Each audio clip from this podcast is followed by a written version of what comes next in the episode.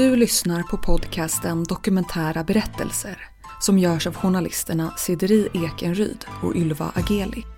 Är du nyfiken på hela den nya säsongen av dokumentära berättelser? Då kan du gå in redan nu i Podplay-appen eller på podplay.se och lyssna på alla tio avsnitt av säsong 9 helt gratis. Den här säsongen handlar bland annat om hur det är att vara medlem i Hare Krishna. Om röster från de döda. Att sitta i häkte som oskyldig och såklart mycket, mycket mer. Så gå in på Podplay och lyssna på hela säsongen redan idag. Helt gratis.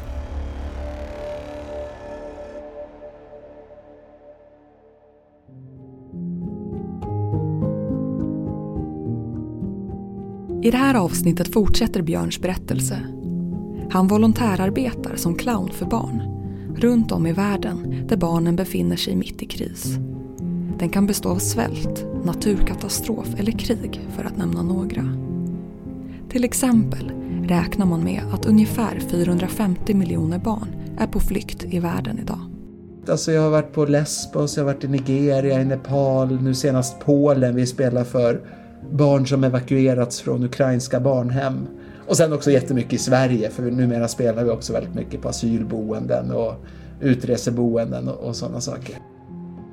Och så pratar vi med Carolina Göransson, humanitär rådgivare på Rädda Barnen i Sverige.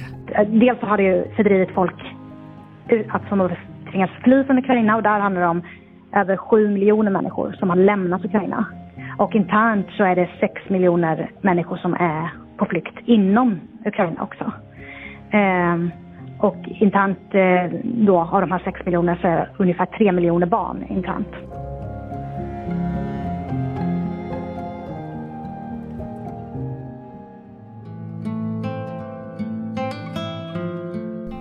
En grundläggande idé hos organisationen Clowner utan gränser är att stärka människors hopp och livslust genom att erbjuda ett rum som innehåller skratt, lek och glädje. Genom att ge en möjlighet att hantera trauman och svåra upplevelser kan man förhoppningsvis bryta våldsspiraler hos unga. Björn berättar om ett exempel. Eh, alltså ett gäng clowner då som är i ett stort, stort, stort flyktingläger någonstans i Mellanöstern. Och det är ju ökenlandskap så det är ju bara sand och sten och det finns ju inga leksaker. Så det enda barnen har att leka med är ju stenar. Och stämningen är ju sån att man, man kastar stenar på varandra. Så att det är ett stort problem då i det här lägret att barnen kastar sten på varandra. Så kommer clownerna och de spelar och barnen blir så uppspelta så de börjar kasta sten på clownerna. Och då är det en av de här clownerna som, som tar de här stenarna och börjar jonglera med dem. Och sen så kommer, sen får de höra från lägret ett, ett tag senare då att barnen har ju slutat kasta sten på varandra, de jonglerar istället. Och det är så, vi brukar alltid säga det, vi förändrar världen genom att förändra folks drömmar och för mig är det verkligen Titta, man kan göra så här istället. Det är så enkelt.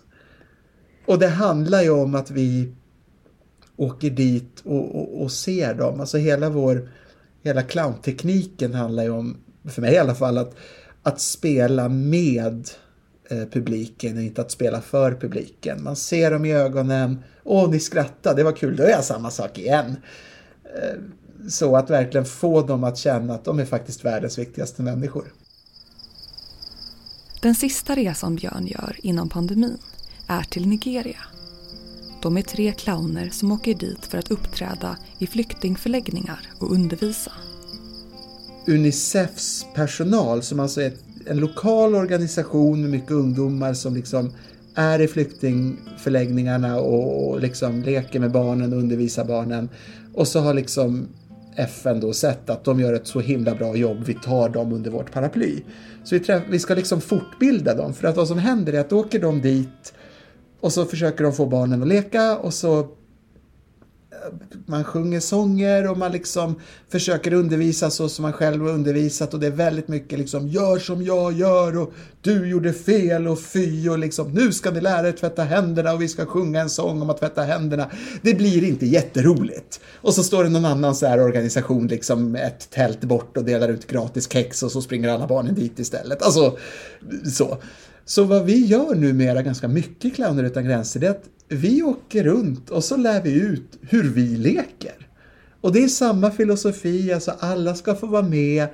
Visst, det ska vara glädjefullt och det ska vara skratt och det finns inte rätt och fel och vi är vuxna som leker som barn och vi bjuder på oss själva och alla ska bli sedda. Och plötsligt så, så är det kanske inte så att du sjöng fel, du får inte vara med, utan plötsligt är det så att nu blev det fel, nu förvandlas alla till galna kycklingar. Och så är det liksom roligt så, och ledaren är också en galen kyckling. alltså sådär. Och det här undervisar vi.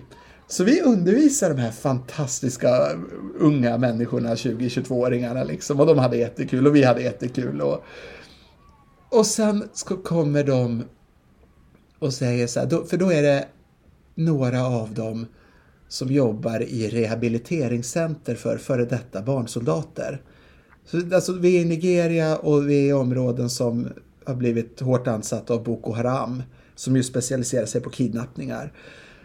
Så då är det alltså så att de här barnen har kidnappats och tvingats bli barnsoldater med allt vad det innebär. Och krigat för Boko Haram och så har de förlorat något slag och liksom blivit tillfångatagna och fått sitta i fängelse och nu finns det då ett program för att de ska få återvända till byarna de kom ifrån. Um, och så får de några veckor på ett slags rehabiliteringscenter. Och då är det liksom, alltså det är 400 unga män, alltså muskelberg liksom som varit med om de mest fasansfulla saker. Och den här unga, hon kanske är 20, den här tjejen som går dit varje dag och liksom är med dem. Och vi frågar henne, men är du inte rädd? Och, och då svarar hon så här No, they are my children. Och det är liksom... Jag, jag brukar säga det, jag går lite sidospår här men... När jag var liten, då var min högsta dröm inte att vara Batman, men att jag skulle också vara en superhjälte och Batman skulle vara min kompis. Det var liksom det högsta så. Och när jag åker ut på de här uppdragen, jag brukar känna att men gud, det är ju drömmen. Alltså jag får träffa superhjältar. Jag skojar inte. Folk säger alltid till mig när jag kommer hem, åh du är så modig, du är hjälte. Nej, alltså jag åker dit i två veckor och har kul och sen kommer man hem och så får man träffa en psykolog och sen så liksom... Men jag får träffa superhjältar. Jag får träffa dem som gör det här och jag... Jag fattar inte var de får sitt hopp och sin styrka ifrån, men den finns där. Och samma sak som den här kvinnan i Indien som driver Apnap. Alltså otroliga människor. Konflikter har ju verkligen en, en, en förödande inverkan på barn. Carolina Göransson, humanitär rådgivare på Rädda Barnen. Barn löper väldigt mycket större risk att dö av skador och sjukdomar under en väpnad konflikt än under fredstid. Och på den afrikanska kontinenten så igen, exakta siffror är, men det beräknas att ungefär 100, mellan 121 och 183 miljoner barn eh, på den afrikanska kontinenten lever i en konfliktzon. Hon frågar då den här unga tjejen, liksom, kan ni komma och spela för de här männen? Och vi bara okej, okay, vår föreställning är liksom gjord för femåringar men ja ja. Så vi kommer dit och vi går in där och vi ser de här 400 liksom unga män sitta, stora, starka liksom så. Sitta i skräddarställning på, på ökensanden och vi bara alltså, det var stackarna, vad ska vi liksom, det här är en jättefånig föreställning, vi druttar på ändan och vi liksom går vilse bakom varann och det. Och vi, men vi, vi kör. Och de skrattar, alltså de, de tjuter. Det är liksom non-stop skratt. Det är liksom inte pausskratt, utan det är konstant. En halvtimme och de slår i marken så liksom ökensanden piskas upp och jag hostar med genom hela föreställningen. Och de skrattar och skrattar och skrattar och skrattar. Och, och, vet, och vi tittar ut och vi viskar till varandra här, att vi skulle få se detta i vårt liv. Det finns ju inte. Och sen när vi är klara då, då ställer de sig upp allihopa så säger, för de har någon slags liksom ledare, eller så här, ja, och säger så här, vi vill uttrycka vår tacksamhet. Och så börjar de sjunga och dansa för oss. Och de slutar inte, de står där och de sjunger och de dansar och de ger järnet. Och, och det här är bara så här, det här är ju alltså det går inte att förstå vad man är med om som barnsoldat. Och de berättar, de här har ju mardrömmar som skriker varenda natt. Men där står de liksom och dansar för oss bara för att de är så himla glada. Och man, så att jag får... Och jag menar, det, folk frågar mig ofta så här, men liksom vad, vad kostar det att göra det här? Och bara, ja, alltså vi får inte betalt och bara att leva ett liv där man faktiskt ser till att hålla sig tillgänglig och kunna åka på sånt här. Alltså, jag har ingen ekonomi så, men att få, det går ju inte att sätta en prislapp på att få se det här. Ett poddtips från Podplay.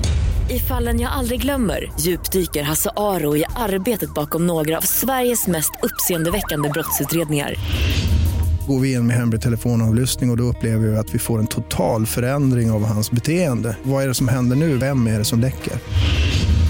Och så säger han att jag är kriminell, jag har varit kriminell i hela mitt liv men att mörda ett barn, där går min gräns. Nya säsongen av Fallen jag aldrig glömmer på Podplay.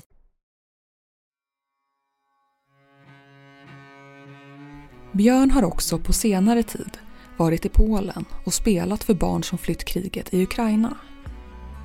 Vi ber Carolina Göransson berätta mer om deras situation. I lite stora drag så kan man säga att konflikten i, i Ukraina har... Eh, dels så har det ju fördrivit folk att som tvingas fly från Ukraina och där handlar det om över sju miljoner människor som har lämnat Ukraina.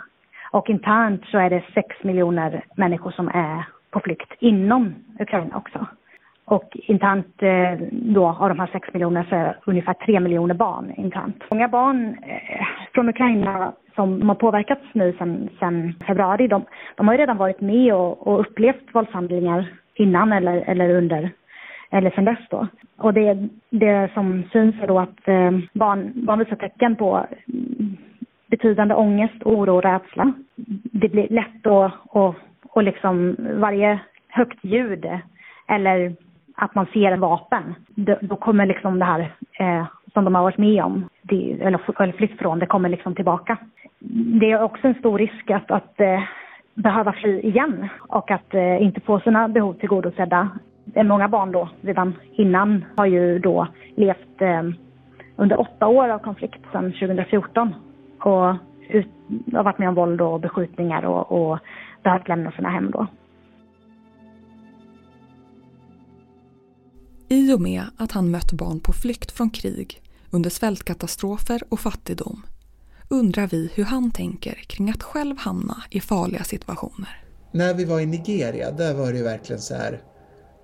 Där var alltså vi hade ju såklart åkt dit med liksom, det hade gjorts ordentliga säkerhetsbedömningar liksom av instanser som, nu vågar jag inte säga vilka, men alltså sådana organisationer som är där hela tiden. Så att det var ju bedömt att det var ju helt säkert för oss.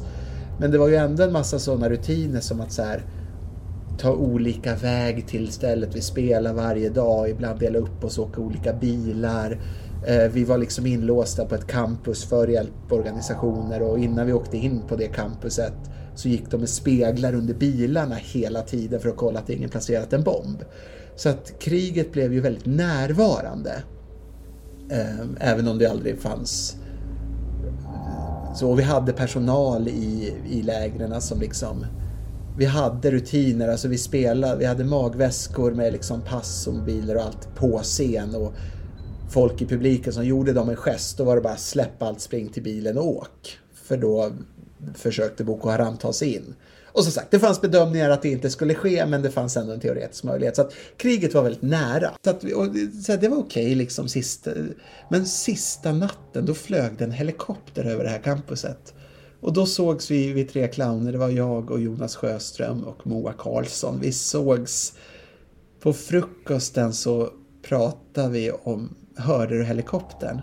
Då visade det sig att vi alla tre vaknat av helikoptern. Sen hade vi alla tre drömt mardrömmar om att ja, om att det var en elak helikopter.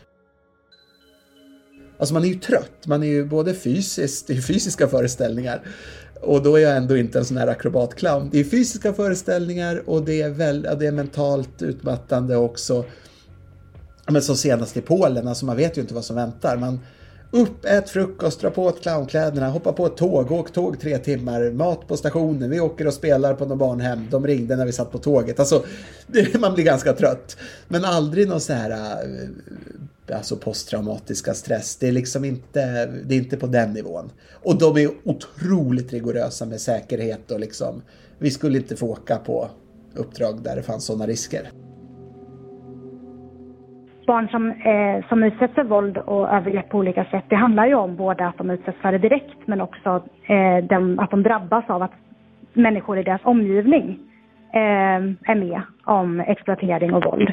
Eh, så det, det har ju också en väldigt stor inverkan på barn när de ser familj och, och vänner utsättas för, för, eh, för våld och, eh, och övergrepp. En sak jag funderat mycket på Eh, det är det här med hur vi, hur vi får se de här barnen. Alltså jag minns när jag var på Lesbos då jag var ju full, min hjärna var fullproppad av bilder på, då var det liksom bilder i, överallt i tunnelbanorna på så här gummiflottar med barn som mådde jättedåligt och liksom donera pengar, donera pengar. Och, och så hemskt som det såg ut att vara på de där bilderna, så hemskt var det. Jag såg det med egna ögon. Vi såg gummiflottarna, vi såg de här familjerna. Och vi, och vi jag minns det var en stormig, det hade varit en stormig natt i Lesbos och vi gick runt i flyktinglägret och skulle samla liksom folk till vår föreställning. Och det var på ett annat sätt den morgonen. De kom och liksom tog tag i oss och drog i oss på ett sätt som de aldrig hade gjort förut. Och det var som att vi kände den stormen i deras grepp. Men sen, får vi, sen fick vi se de här barnen och det är stora syskon som kommer och bär på sina småsyskon. Och det är mammor som Alltså som börjar sjunga och dansa av glädje. Alltså mammor som 24 timmar tidigare tagit beslutet att sätta sina barn på en gummiflotte för en seglats som det inte är säkert att de överlever. Och barnen som bara skrattar och skrattar och skrattar. Och då tänker jag så här, för någonting händer inom mig när jag ser de här bilderna på stackars lidande barn. Min hjärna tänker kom hit, vi ska ta hand om er. Men någonstans inom mig så blir jag rädd och jag stänger mig. Jag orkar inte med det lidandet och då väcks någonstans inom mig en tanke kom inte hit. Rädslan inom mig blir starkare för den format. Men historien som inte syns i media det är ju hur de här barnen ser ut när de skrattar. Och när jag ser dem skratta, då öppnas allt i mig igen. Och, och det är som alltså det, det är så lätt att avhumanisera, men när jag ser de här det är som en påhumanisering. Jag tror att det ordet kanske finns, eller så uppfann vi det nu. Men att det, det, det är en annan historia och jag önskar så mycket att den historien också kunde få plats. För det går inte. Jag tror inte det går att, att avvisa ett barn som bara hela kroppen är liksom bara glädje.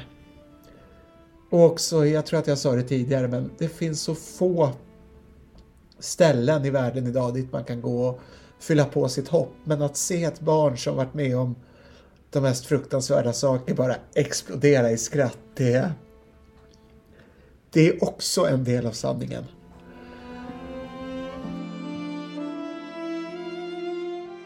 Och just att vara på flykt från sitt hem är en situation där barn utsätts för extra stora skyddsrisker, berättar Carolina Göransson. Och det handlar både om att separeras från sin familj, det handlar om människohandel, bristande tillgång till, eh, till grundläggande tjänster och psykiskt lidande. Och de blir liksom ännu större då för, för barn som, blir, som inte har tillgång till sin, sina syskon och sina föräldrar. Det är ju också något som går över i, i barn som lever då eh, i konfliktzoner de, de, där blir barn extremt sårbara. Och just eh, nu så ser vi att eh, de erfarenheter som vi har berättar om hur krig och väpnade konflikter förändras eh, eh, för tillfället och att de blir mer komplexa och utdragna och farliga för barn. Det blir fler liksom, aktörer som är inblandade och barn utsätts eh, av extrema nivåer av våld under, under konflikter folk frågar hur står det ut? Jag minns framförallt efter Lesbos så var det många, för det var så, det var mycket alla tidningar ville prata då, för det var ju liksom löpsedlar varje dag om Lesbos. Och jag minns att jag, dels hade jag inte bearbetat det själv än. Så jag, jag gjorde ett standardsvar som alla fick. Jag sa, det går inte att förstå. Och sen var det också så för att jag sa det att så här, man gråter i bilen. Man går upp, man sminkar på, man spelar, sen gråter man i bilen och sen går man ut och spelar igen. Clowner utan gränser jobbar med ett, ett, företag som heter Kunskapskompaniet som till vardags jobbar med att prata med svenska soldater som gjort utlandstjänst. De får vi träffa och ha liksom ett så här debriefing-samtal. Och då har vi ett samtal i team så, men om det skulle vara så att man liksom behöver prata mer så, så finns de. Så blir, vi blir väldigt fint omhändertagna. Jag är också en sån som gärna pratar både med liksom, alltså privat men också i sådana här sammanhang nu. Eh, så för mig, mitt sätt att bearbeta är också att göra, ja, men göra historier av det som kan delas. Det var som jag var inne på förut med det här att jag kan ändå känna ett sånt otroligt starkt behov av att så här, det fantastiska jag sett måste folk få se.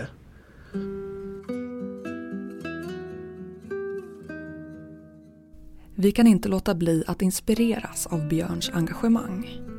Och när vårt samtal närmar sig sitt slut vill han också skicka med en anekdot med en uppmaning till andra som funderar på hur man kan hjälpa till. Det var ett gäng surfare där från Australien som, som liksom hade kommit, suttit där i Australien och tänkt så här, men vi måste göra något. Vad kan vi göra? Vi är jättebra på att vara i vatten och vi har våtdräkter.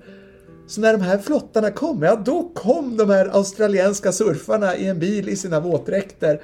Och, bara, och det, alltså, det var ju december, det var ju svinkallt. De sprang ut i det här iskalla vattnet i sina våtdräkter och drog i land de här flottarna. Och, och det, där, det är så många som säger till mig så här, åh jag skulle också vilja göra något men äh, jag är ju bara en revisor. Eller jag är ju bara vad man nu är. Och då känner jag verkligen så här, men alla kan verkligen göra någonting. Jag kan säga att oj vad många hjälporganisationer som kanske inte är så bra på kontorsarbete som skulle behöva revisor. Men, men det är verkligen så här, det, inte hade jag för mitt liv trott att jag liksom som clown skulle kunna bidra till, till fred. Men det går verkligen och det är också en sån, för mig en sån otrolig källa till, till hopp. Jag är inte religiös, jag är absolut inte kristen så, men jag kan ibland tänka på alltså, evangelisterna. Om detta nu är en sann historia på något plan. att bara att känna ett kall att så här, jag är satt på den här jorden för att faktiskt berätta om det jag har fått se. Någonstans kan jag förstå den känslan för att, att alltså vi lever i en tid, det finns så många anledningar att förlora hoppet. Och det finns så få, om man säger institutioner eller ställen eller oaser dit man kan gå och få tanka på sitt hopp. Men när jag ser sådana här saker och när jag ser barn som varit med om saker som jag fattar inte hur de överlever. När de liksom skrattar av hela sitt hjärta och när jag ser de här unga människorna i Nigeria eller samma sak när jag var i Nepal, det var samma sak där. Unga människor som bara är så otroligt modiga och drivna och positiva och hoppfulla. Alltså det, det är en sån ynnest.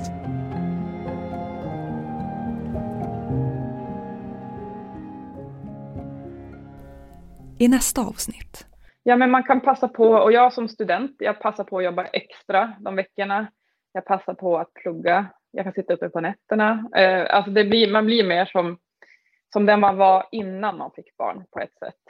Vi pratar med Elisabeth som nyanserar bilden av att vara mamma varannan vecka. Det finns också lyckliga skilsmässor där den barnfria veckan faktiskt berikar livet. Och glöm inte att alla avsnitt av säsong 9 finns ute redan nu, helt gratis på Podplay. Och vill du komma i kontakt med oss som producerar den här podden och dela med dig av din livshistoria? Mejla oss på kunskapsstudion gmail.com.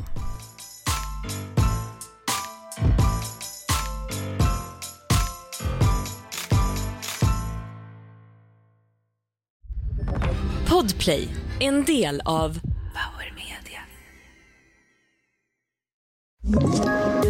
poddtips från Podplay. I podden Något Kaiko garanterar östgötarna Brutti och jag, Davva, dig en stor dos skratt.